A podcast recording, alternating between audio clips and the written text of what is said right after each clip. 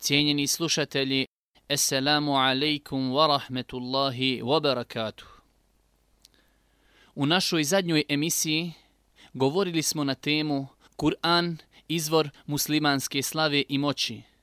Odnos muslimana naspram Allahove knjige, njihovog životnog programa. Na kraju emisije spomenuli smo činjenicu da je mnogo oni koji se deklarišu kao muslimani, a nikada nisu otvorili Kur'an. Njegov prijevod. Pa da vide šta se sve nalazi u toj knjizi. Šta im to njihov gospodar poručuje. On, kao njihov stvoritelj, onaj koji najbolje zna šta njima treba kako bi bili sretni i u harmoniji proveli svoj ovosvjetski život. Oni koji su čvrsto odlučili da neće da otvore Kur'an i da pogledaju šta piše u njemu, mi ćemo im danas pomoći i olakšati. U današnjem druženju spomenut ćemo neke ajete iz ove časne knjige, ajete koji nose sa sobom velike poruke, ono što nam je potrebno svakoga dana. Sve s ciljem da se upoznamo sa jednim malim dijelom izuzetno bogatog kuranskog sadržaja da to probudi u nama želju za učenjem Kur'ana, njegovim iščitavanjem.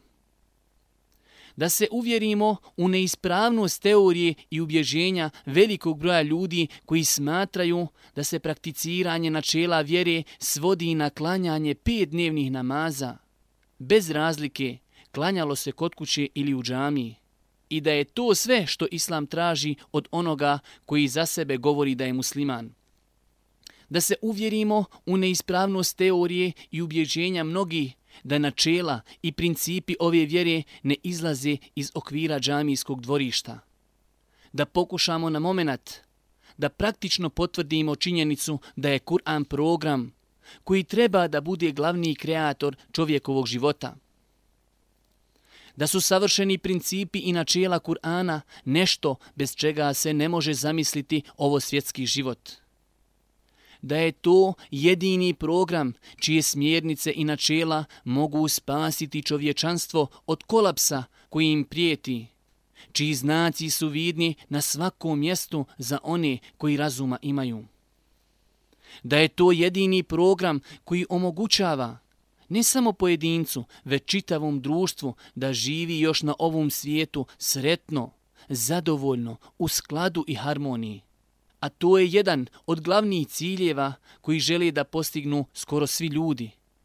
Jer svi žele da žive sretno, zadovoljno, bez straha, u miru, zagarantovanih ljudskih prava. Na početku treba da kažemo da je pred nama u ovoj emisiji veliki posao. Da proberemo neke ajete ili sure da ih spomenemo u ovako kratkom vremenu jer je mnogo ajeta u Kur'anu koji zaslužuju posebnu emisiju kako bi se detaljno prokomentarisali i protumačili sa spominjanjem svih koristi, poruka i pouka koje nose u sebi. Pa kako da zamislimo da u jednoj ili dvije emisije proberemo i stotina ajeta samo neke od njih? Zato treba da znamo da je ono što spomenimo samo mali dio jedna kapljica u moru znanja, pouka i poruka koje se nalaze u riznicama Kur'ana. Jedine nebeske knjige, čiju autentičnost dok sudnjeg dana je zagarantovao uzvišeni Allah subhanahu wa ta'ala.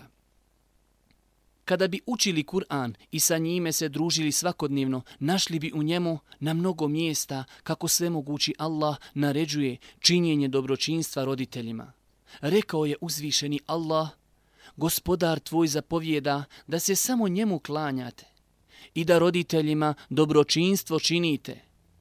Kad jedno od njih dvoje ili oboje kod tebe starost dožive, ne reci im ni uh i ne podvikni na njih i obraćaj im se riječima poštovanja punim. Budi prema njima pažljiv i ponizan i reci, gospodaru moj, smiluj im se, oni su mene, kad sam bio dijete njegovali. Pogledajte, cijenjeni slušatelji, dobro, kolika prava Islam daje roditeljima, kako strogo i precizno. kako strogo i precizno naređuje veliku pažnju prema roditeljima. Koliko pravo im je Islam dao da je ono odma nakon prava stvoritelja. A i razum, koji nikada nije u koliziji sa načelima vjeri, potvrđuje njihova prava. Ako oni ne zaslužuju pažnju, pa koje zaslužuje? Ne zaboravimo da su oni ti koji su nas odgajali, podigli nas, školovali nas. Koliko puta smo, kao djeca, probudili na večer našu majku? Koliko puta nas je odnijela doktoru? Koliko obroka nam je spremila? Koliko puta nas je presvukla? Pa zar da je pustimo tuđinu u staračkom domu, onda, kada je najviše potrebna naši njegi? a ona nas nije ostavila kada smo bili potrebni njene njege. Kako bi ljudi sretno i zadovoljno živjeli kada bi pretočili ovaj kuranski ajet u praksu? Kako da ne, kada su to smjernice njihovog stvoritelja? Koliko bi manje suza bilo proliveno od strane iznemoglih roditelja da živimo po ovom kuranskom ajetu? Koliko bi staračkih domova bilo zatvoreno kada bi radili po ovom ajetu? jer ljudi za koje su izgrađeni starački domovi bili bi na njegovanju kod svoje djeci, koja pomažući njima pokušavaju da zadobiju milost stvoritelja, da se na neki način oduže svojim roditeljima za sve što su uložili od truda i imetka dok su ih na selamet podigli i da na taj način zagarantuju sebi sigurnu budućnost. Kako očekivati od naše djeci da nas njeguju i pazi kada ostanimo, a oni su vidjeli i zapamtili kako smo se mi ponašali prema našim roditeljima? Zar ne vidimo do čega je došlo? Na kako niske grane morala je palo zapadnjačko društvo kada je zapostavilo samo ovu smjernicu njihovog stvoritelja? Žalosno je više od toga što velik dio muslimana se povodi za njima u svemu, pa i u tomi, pa ćemo naći da je mnogo oni koji se deklarišu kao muslimani, a da su veoma daleko u svakodnevnom životu od ovih smjernica. Žalosno je da su mnogi drugi zauzeli kod njih mjesto koje pripada njihovim roditeljima. A s druge strane, oni su veoma blizu zapadu i nemoralu kojeg izvoze za čitav svijet. Kada bi čitali Kur'an i družili se s njime, našli bi u njemu riječi uzvišenog Allaha. Vi u Allahovom poslaniku imate divan uzor za onoga koji se nada Allahovoj milosti i nagradi na onom svijetu i koji često Allaha spominje. Smjernice uzvišenog Allaha njegovim robovima. Ko je osoba koju treba da slijede i oponašaju u svakodnevnom životu? On, Allahu poslanik, bi trebao da bude glavni uzor muslimanima u svakom pogledu. Počevši od njihovog odnosa prema gospodaru, pa sve do najsitnijih stvari u svakodnevnom životu. Koliko je samo oni koji se deklarišu kao sledbenici ove vjere, a nikada nisu čuli za ovaj ajet? Njihova dijela su najbolji pokazatelj za to. Naša omladina, a nerijetko i oni stariji, za svoje uzore su uzeli neke osobe koje u velikom broju slučajeva nisu muslimani ni po imenu. Ostavili su slijedženje onoga kojeg im je poslao i preporučio njihov gospodar. Onoga koji je poslan kao milost svjetovima, a uzeli slijediti one koji pri sebi dosta puta nemaju ni jednu čestitu osobinu, a negativnih je toliko pri njima da se ne mogu prebrojati. O osobenostima, vrlinama, moralu Allahovog poslanika alihi salatu wasalam ćemo imati posebnu emisiju, tako da se ove prilike nećemo zadržavati kod toga. Kada bismo učili Kur'an i kada bi se družili sa njime, ne bi imali nedoumici zašto smo stvoreni, šta je cilj našeg postojanja. Žalosno je da velik broj oni koji se deklarišu kao muslimani ne znaju zašto postoje, ili gore od toga, misli da su uzalud stvoreni. Rekao je uzvišeni Allah. Zar ste mislili da smo vas uzalud stvorili i da nam se nećete povratiti? Mnogi to neće kazati otvoreno, ali njihovo ponašanje i njihova dijela ukazuju na to više nego otvoreno. Kako povjerovati osobi koja kaže da zna da je stvorena, da kroz ovo dunjalučki život robuje Allahu, da ga obožava, da mu se pokorava, a on svakim postupkom i svakim svojim gestom krši ono što mu je gospodar zabranio. Njihovo ponašanje ukazuje na to da oni smatraju da nakon ovo svjetskog života nema drugog života, da nema sudnjeg dana, da nema polaganja računa. Zbog toga se nerijetko spuste na nivo koji je niži od nivoa bića koji razuma nemaju.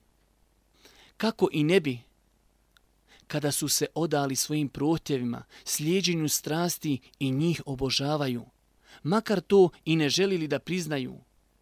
Svemu čemu ih pozovu njihove duše, oni se poslušno odazivaju bez imalo razmišljanja i okljevanja. Kada bismo učili Kur'an i kada bi se družili s njime, našli bi tamo riječi uzvišenog i Allahu se klanjajte i nikoga njemu ravnim ne smatrajte. A roditeljima dobročinstvo činite i rođacima i siročadi i siromasima i komšijama bližnjim i komšijama daljnjim i drugovima i putnicima namjernicima i onima koji su u vašem posjedu. Allah zaista ne voli one koji se ohole i hvališu.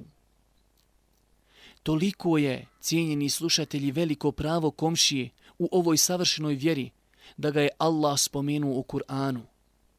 Komšino pravo u islamu je toliko veliko da se u hadisima Allahovog poslanika potpunost i ispravnost vjerovanja uvjetuje čuvanjem komšijskih veza.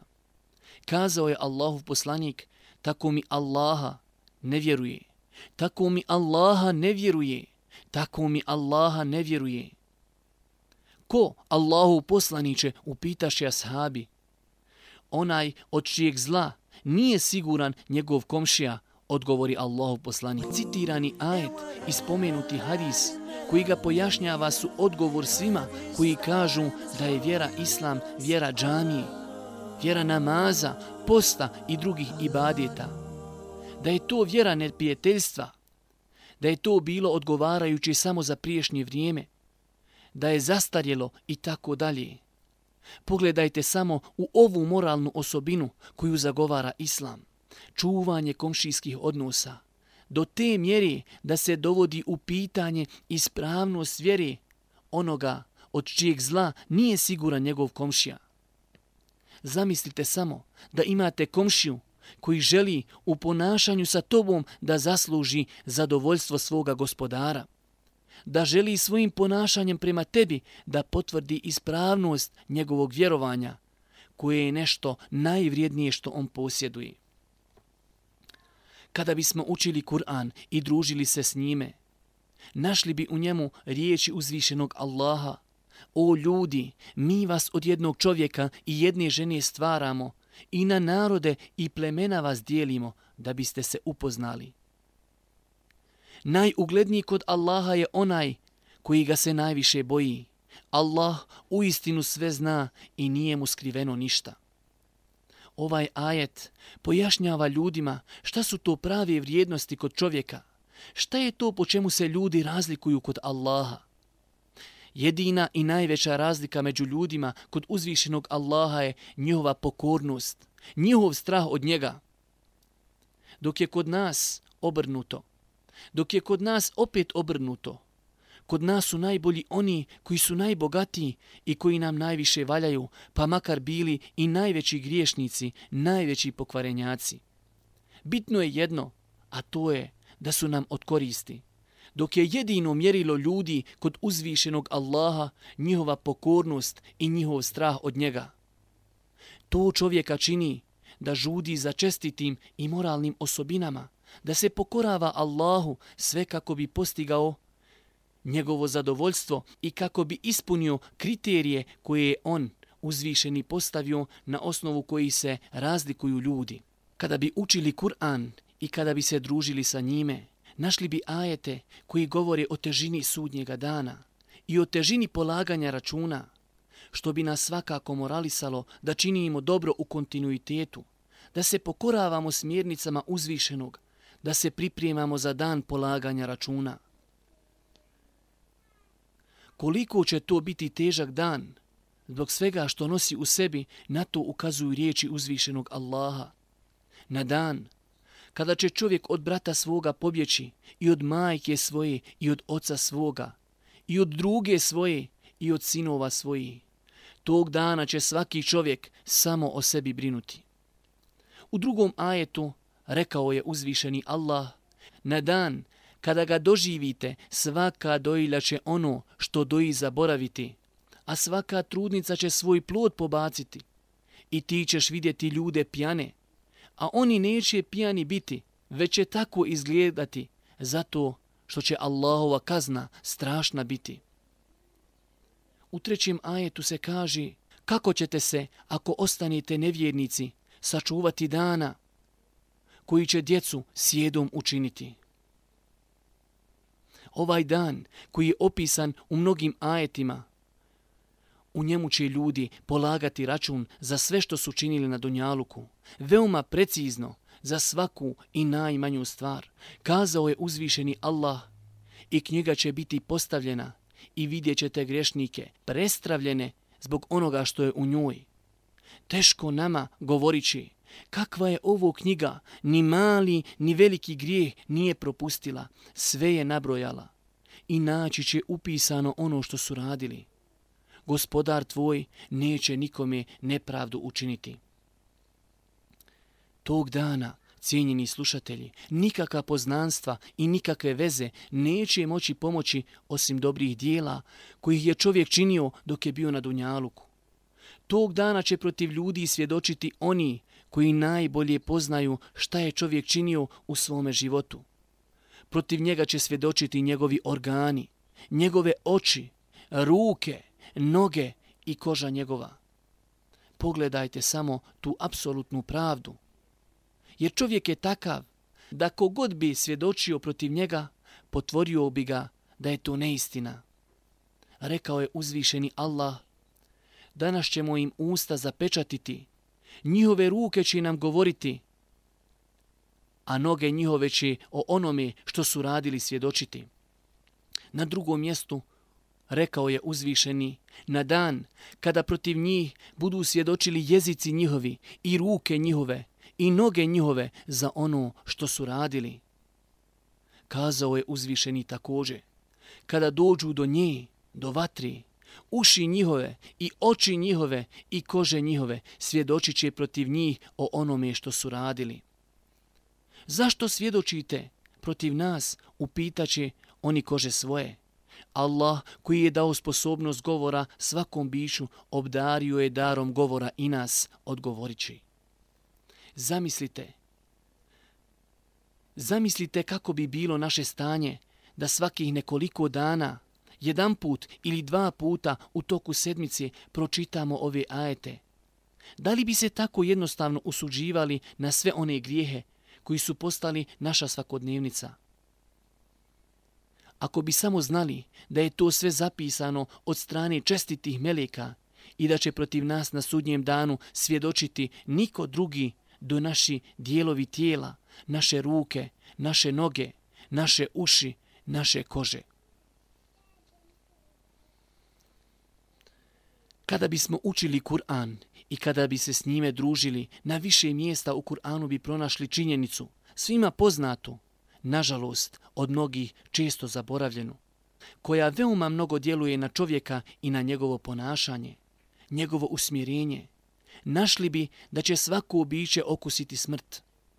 Da ćemo jednoga dana sigurno umrijeti. Rekao je uzvišeni Allah, svako živo biće će smrt okusiti i samo na sudnjem danu dobit ćete u potpunosti plate vaše. I ko bude od vatre udaljen i u džennet uveden, ta je postigao šta je želio, a život na ovom svijetu je samo varljivo naslađivanje. U drugom ajetu rekao je uzvišeni, reci, smrt od koje bježite zaista će vas stići. Zatim ćete onome koji poznaje nevidljivi i vidljivi svijet vraćeni biti i on će vas o onome što ste radili obavijestiti. Pogledajte samo kako se u velikom broju slučajeva nakon spominjanja smrti spominje sudnji dan i polaganje računa, da to bude čovjeku muslimanu pouka, da u vrtlogu ovo svjetskih problema i trčanjem za nafaku ne bi zaboravili na to da ćemo jednoga dana otići sa ovoga svijeta, da nećemo vječno ostati na njemu i da sa sobom u kabur nećemo ponijeti ništa kao što ni drugi nisu ponijeli, osim dobrih dijela. Čovjek, kada bi se družio sa Kur'anom, ovi ajeti bi mu bili kao vid opomeni, osvješćivanja i svakodnevne trke za nafakom. Oni bi balansirali čovjekovo ponašanje i rad, da nešto od svoga vremena utroši u pripeme za budući svijet, a nešto usticanje na faki. Zaista je žalosno kako ljudi ne uzimaju pouku iz onoga što se oko njih dešava. Ljudi umiru na svakom koraku. Velik broj njih odlazi nespreman, a mi svaki put kada čujemo za smrt nekog od prijatelja ili poznanika, duboko uzdahnemo i kažemo Dobro je, ja sam i ovoga puta ostao. Pa do kada ćemo se tako ponašati? Moramo znati da će neminovno doći dan kada će drugi govoriti ove riječi kada čuju da smo mi napustili ovo svjetski život – Zašto ne iskoristimo tu mogućnost dok je još pred nama? Rekao je uzvišeni Allah, kad nekom od njih smrt dođe, on uzvikne. Gospodaru moj, povrati me da uradim kakvo dobro u onome što sam ostavio. Nikada, to su riječi koje će on uzalud govoriti pred njim će prepreka biti sve do dana kada će oživljen biti. Kada bi ovaj ajet povremeno čitali, sigurno bi se bolje pripremali za neizbježni odlazak sa ovog svijeta i za polaganje računa na sudnjem danu. Kada bismo ih povremeno čitali i o njima razmišljali, bili bi mnogo bolji u svakom pogledu. Bili bi više vezani za džamiju, više bi postili, više sadake bi davali, ljepše bi se prema našoj djeci, suprugama, komšijama odnosili. Žene bi se teško usudile da iziđu na ulicu obučene na način kojim nije zadovoljan njihov gospodar. Kada bismo učili Kur'an i kada bi se družili s njime, shvatili bi stvarnu vrijednost ovo svjetskog života. Shvatili bi da on ne vrijedi ništa u odnosu na ono svjetski život – kada ne bi bilo nikakve razlike između ova dva svijeta, osim da je jedan od njih prolazan, a drugi vječan, to bi bilo dovoljno da se čovjek ne poigrava sa prilikom koja je pred njim, sa prilikom da zasluži nešto što je vječno. S druge strane, čovjek bi trebao da se čuva Allahove kazni, kojom će da se čuva Allahove kazni koja će također vječna biti za određene vrste ljudi. Kazao je uzvišeni Allah, kome hoće, Allah daje u obilju i uskraćuje. Oni se raduju životu na ovom svijetu, a život na ovom svijetu prema onom svijetu samo je prolazno uživanje. Na drugom mjestu u Kur'anu milostivi je kazao, ono što je u vas prolazno je, a ono što je u Allaha vječno je. Oni koji su trpjeli mi ćemo sigurno nagraditi mnogostrukom nagradom za ono što su činili. Također, rekao je uzvišeni, o narode moj, život na ovom svijetu samo je prolazno uživanje, a onaj svijet je zaista kuća vječna. Spomenuti ajeti su samo neki u nizu mnogih ajeta koji nam govore o vrijednosti ovo svjetskog života – kako čovjek u trci za nafakom i životnim problemima ne bi dozvolio sebi da zaboravi na tu činjenicu. Kada bi učili Kur'an i družili se s njime, našli bi na mnogo mjesta u Kur'anu kako Allah spominje mnoštvo blagodati kojima je obasuo svoja stvorenja. Kako ne bi zaboravili na tu činjenicu i kako ne bi bili nezahvalni. Najbolji način da budemo zahvalni na blagodatima je pokoravanje njegovim smjernicama, koje opet nama donose dobro na oba svijeta. Rekao je uzvišeni, i daje vam svega onoga što od njega tražite. I ako biste Allahove blagodati brojali, ne biste ih nabrojali. Čovjek je u istinu nepravedan i nezahvalan. Dok u drugim ajetima Allah subhanahu wa ta'ala nabraja neke od blagodati, kako bi se mi zapitali u čemu ih koristimo, da li u pokornosti Allahu ili kršeći tim blagodatima koje su od njega ono što nam je zabranio. Rekao je uzvišeni Allah, Allah vas iz utroba majkih vaši izvodi. Vi ništa ne znate i daje vam sluh i vid i razum da biste bili zahvalni. Da li smo mi zahvalni ili ne? U čemu koristimo spomenute blagodati Allah subhanahu wa ta'ala prema nama? Kako koristimo blagodat vida? Da li tako što gledamo porno filmove, razgoličene žene na našim ulicama, čitamo porno literaturu ili koristimo naše oči u ono što će nam koristiti na Dunjaluku i na Ahiretu? Toga je mnogo da razumnim ljudima ne treba primjere navoditi. Nije uslov da čovjek čita i gleda nešto što se vezuje za vjeru, pa da je to ispravno korištenje ove blagodati. Već, ako bi čovjek čitao nešto vezano za svjetovne stvari, a u tome je korist njemu i društvu u kojem živi, to je ispravno korištenje ove blagodati. Kada bi učili Kur'an i družili se sa njime, ne bi se iznenadili kada doživimo kakav otvoren napad od strani nevjernika, da li na nas lično ili napad na Allahovog poslanika ili vrijeđanje muslimanskih svjetinja. Znali bi da oni neće biti zadovoljni nama i našom vjerom sve dok ne ostavimo ono na čemu smo.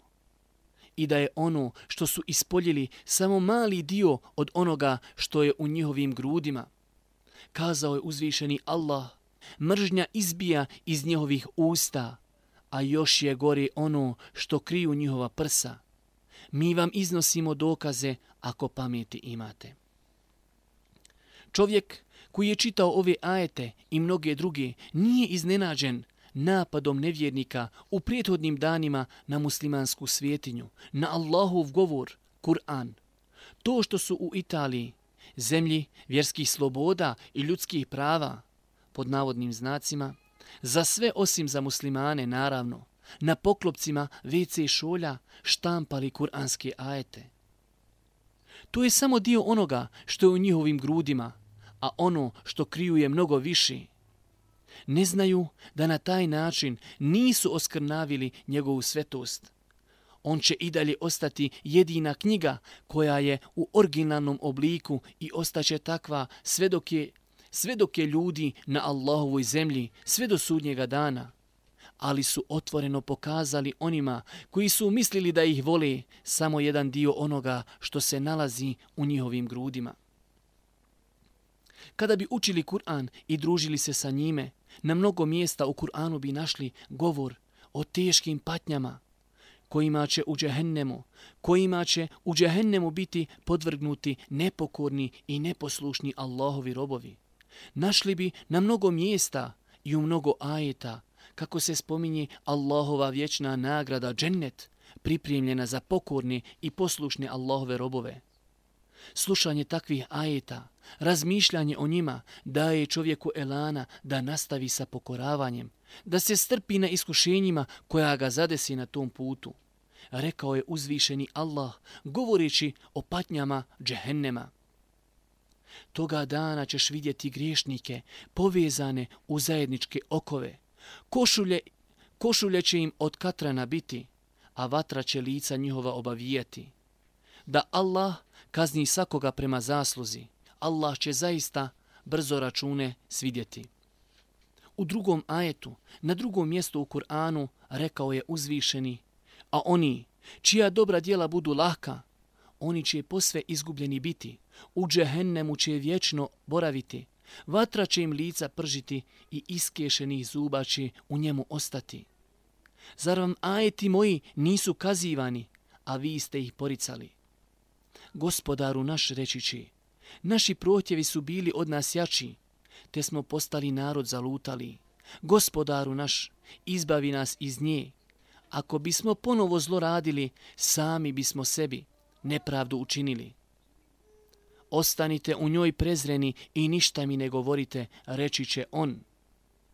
Na kraju ovog našeg druženja pozivamo naše slušatelje da posjete oficijelnu internet stranicu Omladinskog kulturnog centra Sanski most www.okcsana.org gdje se mogu upoznati sa radom i aktivnostima Omladinskog kulturnog centra Sanski most i gdje mogu da poslušaju i predavanja koja se emituju na radio Sani.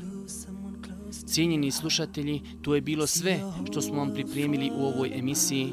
Do našeg narednog slušanja za 15 dana. Esselamu alaikum wa rahmetullahi wa barakatuh.